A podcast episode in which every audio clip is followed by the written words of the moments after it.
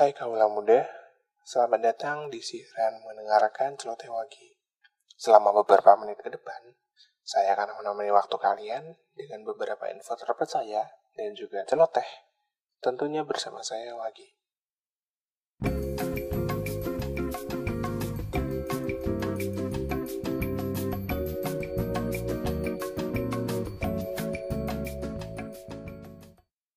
Pemilu USA 2020 Sisi merah ada Bapak Donald Trump, di sebelah biru ada penantang Pak Joe Biden.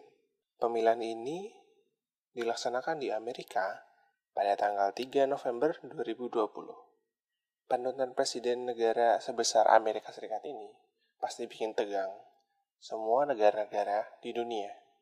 Baik yang kawan, lawan, dan tentu saja juga lantai saham. Tapi kalau muda tahu nggak sih, kalau pemilu di USA ini berbeda caranya dibandingkan pemilu yang ada di Indonesia. Kalau di kita nih, presiden dan wakil presiden dipilih langsung oleh rakyat. Jadi, siapa saja yang paling banyak dipilih, itu yang menang. Nah, di USA ini beda walaupun calon presiden memenangkan suara terbanyak, belum tentu dia yang menang. Kayak dulu tuh, tahun 2016. Pak Trump versus Bu Hillary. Bu Hillary ini unggul beberapa poin dibandingkan Pak Trump untuk keseluruhan suara.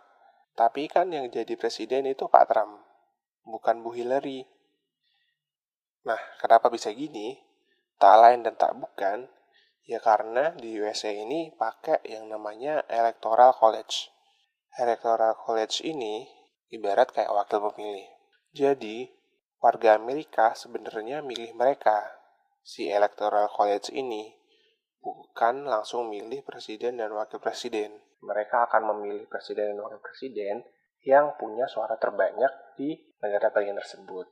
Misal Pak Trump menang di Texas yang isinya 38 orang electoral college walaupun Pak Trump menang cuma selisih suara 1%, maka seluruh suara elektoral yang berjumlah 38 di negara bagian Texas punya Pak Trump sendiri.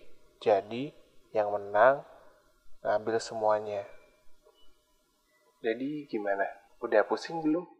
Ya, jadi memang kayak gitu sistem pemilihan yang ada di Amerika sana. Berbeda sama pemilihan yang ada di Indonesia. Oke, segitu aja dari saya. Nama saya Wagi dan